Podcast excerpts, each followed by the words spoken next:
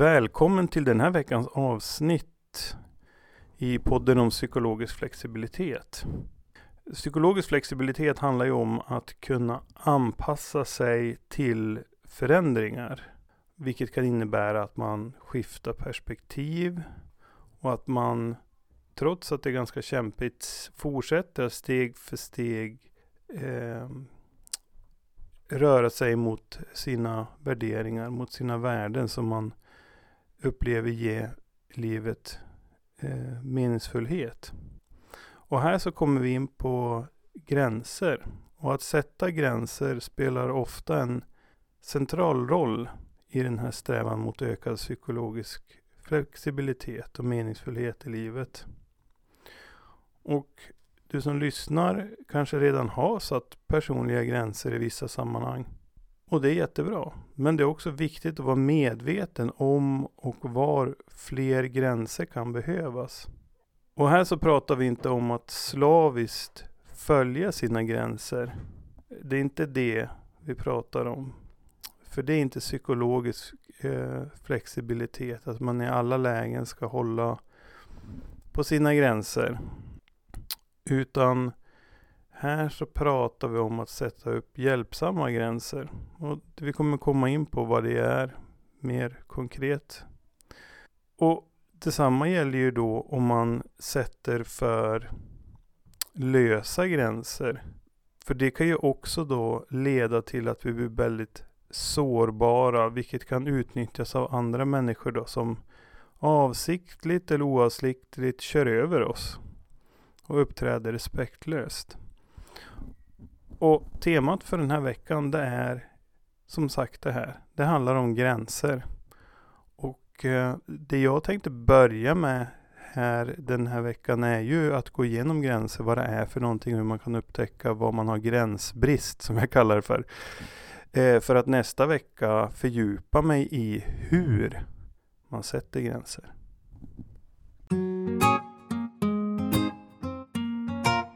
Så vad är en gräns? Och det man kan säga om en gräns är ju att det är en regel eller riktlinje som en person skapar för att kunna identifiera vad som är ett acceptabelt och hälsosamt beteende för dem. Och gränser kan ju hjälpa till att eh, definiera en individs självbild och bidra till att skapa en känsla av autonomi och självrespekt. Och gränser är också viktigt för att upprätthålla sunda relationer. Eftersom att just gränser tillåter ju varje person att förstå sina egna behov. Och när man förstår sina egna behov så kan man ju då också kommunicera de här behoven till andra. Och det finns olika typer av gränser och jag tänkte jag skulle gå igenom några av dem. Och en av dem är de fysiska gränserna. Och här handlar det om vårt personliga utrymme. Vårt fysiska utrymme just när det är, är relaterat till våran kropp. Så tänker jag i alla fall om fysiska gränser. En person med fysiska gränser kan, kan till exempel um, markera att det är obehagligt att bli berörd av andra utan sitt samtycke. Eller tydligt förklara att uh, man inte uppskattade om man fick den här ryggdunken till exempel. Eller att man på andra sätt uh, eller att någon på något annat sätt uh, kränkte ens fysiska gränser. Att man kan uttrycka det det är då eh, att ha någon form av uppfattning i alla fall om sina fysiska gränser. Sen har vi de emotionella gränserna. Och här så pratar vi om eh, riktlinjer eller regler som vi skapar för att skydda vårt, eh, vår känslomässiga hälsa och integritet. Och med emotionella gränser kan vi kan vi erkänna och respektera våra egna känslor och behov utan att känna oss skyldiga eller själviska. Och det gör det också möjligt för oss att hantera negativa känslor på ett konstruktivt sätt. Snarare än att låta dem styra våra beteenden. Att sätta upp och upprätthålla emotionella gränser innebär ju att vara medveten om och uttrycka vad vi känner på ett ärligt och direkt sätt. Och det innebär också att vi erkänner och respekterar andras känslor och gränser. Exempelvis kan vi tänka oss då om någon ständigt delar sina negativa känslor och tankar med oss på ett sätt som är nedbrytande och dränerande. Och då kan vi behöva sätta upp en emotionell gräns. Till exempel genom att artigt men bestämt och tydligt förklara att vi kan inte vara deras enda stöd. Och kanske då att vi kommer med något förslag på att de kanske borde söka hjälp då om de mår så dåligt. Och precis som med gränser överlag så är ju emotionella gränser det dynamiska. Och man kan behöva anpassa dem utifrån situation. Så de behöver inte vara så stela. Utan det viktigaste är att man känner att man kan sätta gränserna när det behövs. Sen har vi tidsmässiga gränser. Och här pratar vi om hur en person använder sin tid. Att ha tidsmässiga gränser kan innebära att vi kan säga nej till exempel till extra arbetsuppgifter för att kunna prioritera våran egen tid och återhämtning. Sen har vi mentala och intellektuella gränser, vilket också är den, det sista exemplet jag tänker ta upp här på de här gränserna.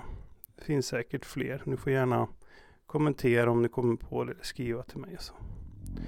Och här pratar vi om att re visa respekt för en individs tankar och idéer. Alltså att vi både kan förvänta oss att vi ska bli respekterade i våra tankar och idéer. På samma sätt som vi respekterar andras tankar och idéer.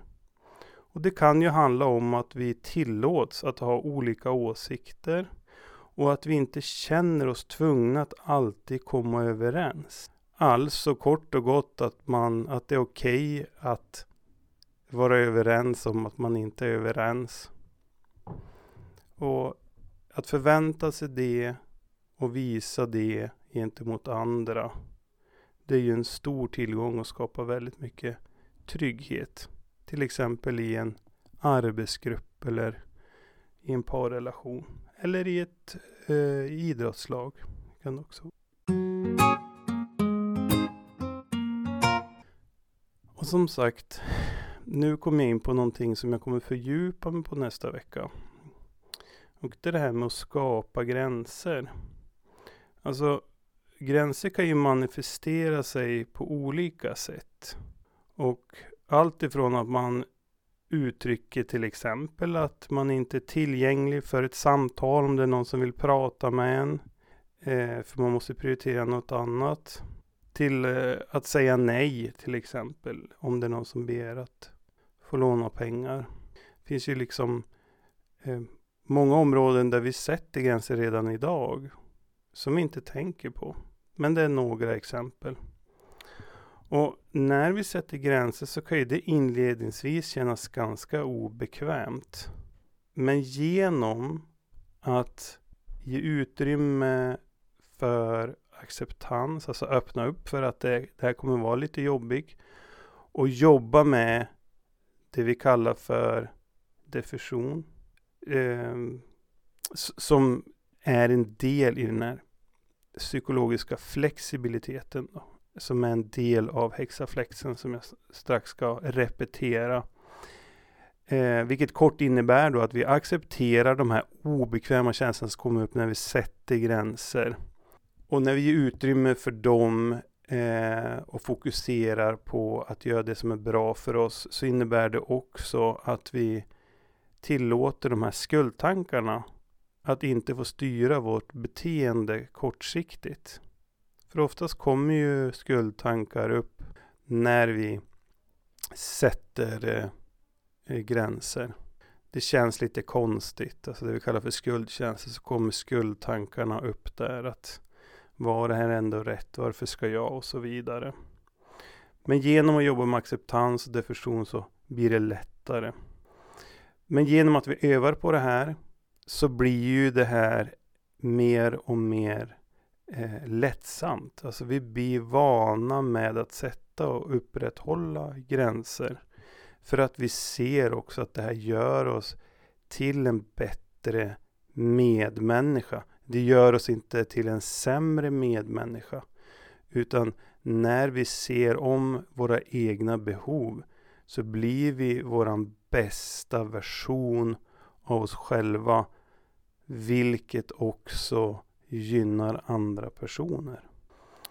Och jag vill lägga till då att som vi pratade om här med dynamiska gränser. Att gränser, personliga gränser ska ju just vara personliga och anpassningsbara utifrån situation. Att av princip hålla fast vid en gräns trots att den inte är hjälpsam för oss är ju inte att agera flexibelt. Alltså rent mentalt. Utan då är vi ganska inflexibla. Och eh, exempelvis, eh, exempel, ett exempel på det här kan ju vara att vid ett tillfälle så är det ju, eh, kan det vara lämpligt att säga nej till att låna ut pengar i ett visst sammanhang, i en viss situation. Utifrån den du vill vara som person då.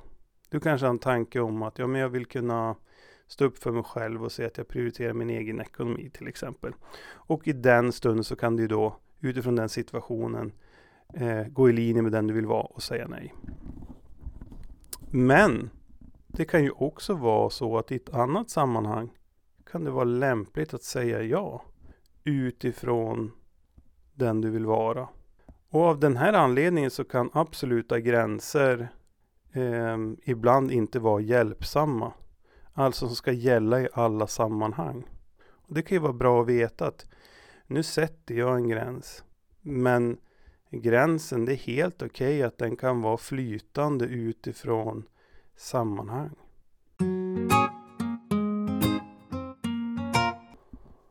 Och nu tänkte jag att vi ska repetera lite.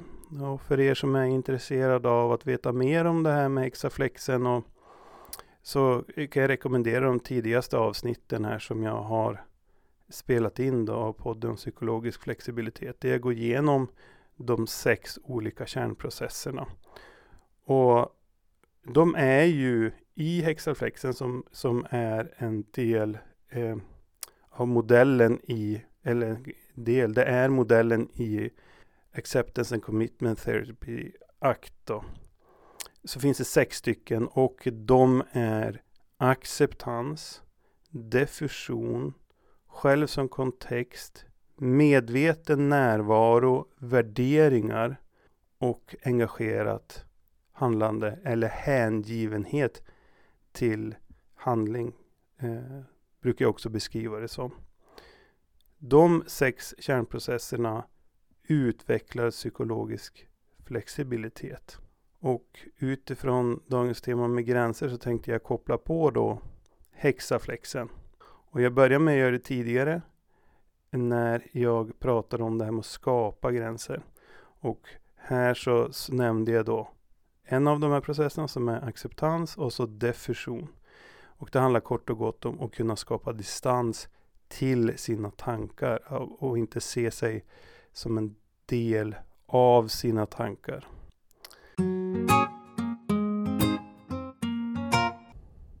Så om vi fortsätter på extraflexen så har vi här då alltså gränser och medveten närvaro.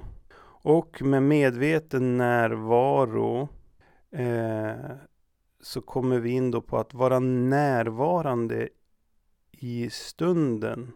Om vi är medveten om det sammanhanget som vi befinner oss i och vilka känslor och tankar som finns i stunden så kan vi på ett mer effektivt och hjälpsamt sätt följa våra gränser. Så därför är det bra att jobba upp en förmåga till medveten närvaro. För när vi är frånvarande, vilket vi är större delen av dagarna, så vi pendlar ju mellan dåtid och framtid och vi är i görandet och inte alltid medveten direkt om vad vi gör, utan då har vi liksom autopiloten påslagen. Den är energisparande för hjärnan. Men när vi har den påslagen, då är vi också eh, den styrs ju mycket av våra känslor och inlärda vanor. Och eh, det kan ju leda till att vi agerar på ett sätt som är bra för stunden. Men inte hjälpsamt på sikt. Exempelvis om någon då vill låna pengar av oss. Men vi vill egentligen inte låna ut pengar. Men vi gör det för att slippa känna skuldkänslor. Och om det här beteendet att låna ut pengar fast vi inte vill upprepas så riskerar ju det att få eh, många konsekvenser för oss. Eh, däribland eh, till exempel det här med sämre ekonomi, känslor av irritation och skam över att vi inte kan stå upp för våra egna behov. Men det är mycket lättare att, eh, att vi agerar på ett sätt som inte är hjälpsamt när vi har autopiloten påslagen. Därför så ska vi jobba med medveten närvaro när vi pratar om eh, känslor. Det, känslor säger jag, gränser. Det är därför det är hjälpsamt att jobba med medveten närvaro när vi pratar om gränser. När vi vad heter det, jobbar med hexaflexen så jobbar vi också med någonting som heter värderingar. Alltså det som på något vis återspeglar den vi vill vara.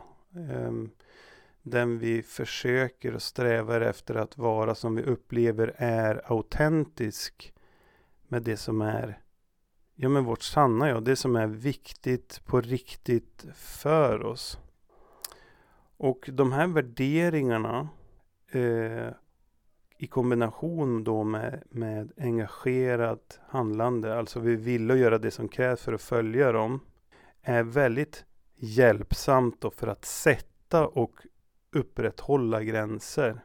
För genom att vi kan definiera och förstå våra värderingar kan vi bli bättre på att skapa gränser som återspeglar de här värderingarna. Och då är det mycket lättare att följa sina gränser.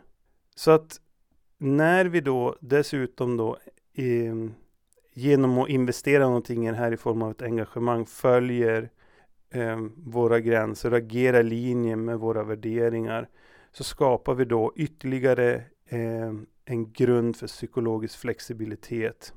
Vilket på lång sikt då förbättrar vårt välmående, stabiliserar vårt välmående och vi upplever att vi har ett meningsfullt liv.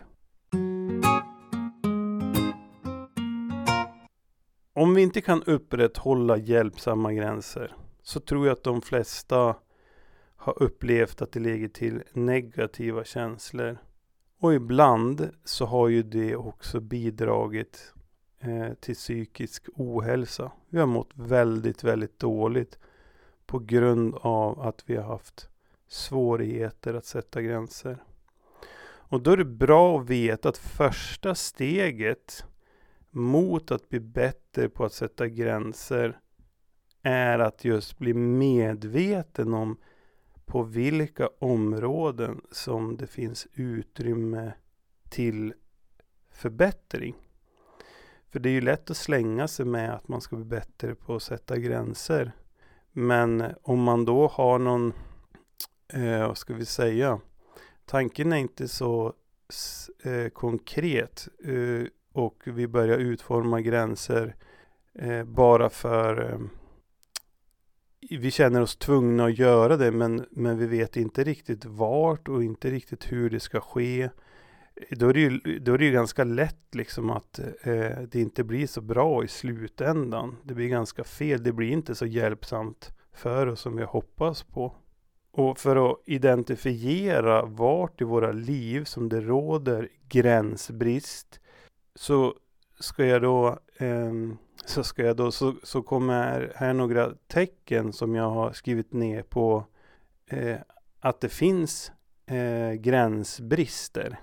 Alltså att det saknas gränser inom det området vilket påverkar dig eh, negativt. Och eh, den, den första som du kan titta på, första tecknet, det är att du har svårt att säga nej i det sammanhanget. Kanske till den personen då. Vissa personer kan du ha lätt att säga nej till. Det kan vara lättare att säga nej till eh, dina barn, eh, din väninna. Men det kan vara svårare att säga nej till en chef till exempel. Men fundera på i vilka sammanhang har jag svårt att säga nej och till vilka personer. Det andra eh, handlar ju om eh, att du tar på dig för mycket att göra. Du vill inte men du gör det ändå. På vilka områden är det? Och sen så har vi också det här med att du ber om ursäkt i tid och otid för allt möjligt. Fast egentligen inte ditt fel. Det kan också vara ett tecken på att det eh, finns en gränsbrist där. Sen handlar det om att eh, från, eh, frångå sina egna gränser. Även om det inte är hjälpsamt för dig. Alltså på vilka områden i livet, mot vilka personer. Det är ju ofta personer som det här handlar om liksom. Det kan ju också handla om att vi, vi kliver över våra personliga gränser. Eh, gör våra egna, att vi är dum mot oss själva. Eh, givetvis. Så det kan vara, både vara mot oss själva men också eh, att andra gör det mot oss. Då. Så fundera i de banorna. Alltså, när frångår vi våra egna gränser som vi har sagt upp, även om vi ser dem som hjälpsamma. Eh, nummer fem har vi här att klaga, eh, på vilka områden och vilka sammanhang klagar vi ofta på andra? Vart är vi ofta är missnöjda? Och här så kommer ju också ilskan in då. Alltså på vilka områden blir vi lätt arga? För det här är ofta ett resultat av att vi själva inte har kunnat sätta gränser. Och här kommer vi också in på det här med att man skyller på andra för hur man själv mår. För antingen har vi tillåtit andra människor att kliva över våra gränser eller återigen så har vi gått över våra gränser. Och då är det inte hjälpsamt att lägga ut ansvaret på andra. När det faktiskt är vi själva som behöver jobba med att bli bättre på att sätta gränser. Så att skylla på andra måste man då se som ett tecken på att det kanske eh, råder gränsbrist. Då. Det behöver ju inte vara så, men det, det kan vara ett tecken. Det här är också ett viktigt tecken och det är när man känner sig hjälplös. Alltså att jag kan inte påverka min situation. Och det är faktiskt så att i många, i, i många fall så beror den här hjälplösheten, känslan av hjälplöshet på att vi inte är benägen att stå ut med det obehaget som kommer över att sätta gränser. Och det gör att vi känner oss fängslade i vår livssituation. Nummer nio, det nionde tecknet som jag skrivit upp. Och det är att, eh, att man är orolig inför att träffa vissa personer. Och de här personerna då, att man är orolig för dem och känner en mild form av rädsla kan man säga. Är att de har en tendens att kliva över våra gränser. Och där behöver vi bli bättre på att sätta gränser. Sen handlar det om det här med att hantera stress på ett ohälsosamt sätt. Det är det tionde och sista tecknet. Här eh, så kan det ju då vara så att vi behöver dra gränser för att må bättre. Det kanske är så att vi försöker att eh, stilla vår stress med, ja, det kan vara eh, alkohol. Det behöver inte vara några överdrivna mängder men vi använder det för att lugna ner oss. Och eh, det fungerar ju bra för många. Men för en del personer så börjar det få negativa konsekvenser efter ett tag. Och då kan man behöva fundera på om man inte behöver sätta gränser. Till exempel mot sin arbetsgivare eller eh, sina föräldrar kanske om det är så att de kräver mycket av en. Eller i skolan eller vad det nu kan vara liksom. Eh, så att, eh, och det finns ju som sagt oli olika sätt att hantera eh, stress. En del de försöker att eh, utrota all form av ovisshet och jobba, jobba, jobba, jobba, jobba. Eh, andra de försöker att eh, fly, ducka, undvika, gömma sig. Och båda de här sätten är ju tecken på att man behöver sätta oftast mer gränser inom det området. Eh, ja, där har ni kort tio tecken. Alltså svårt att säga nej.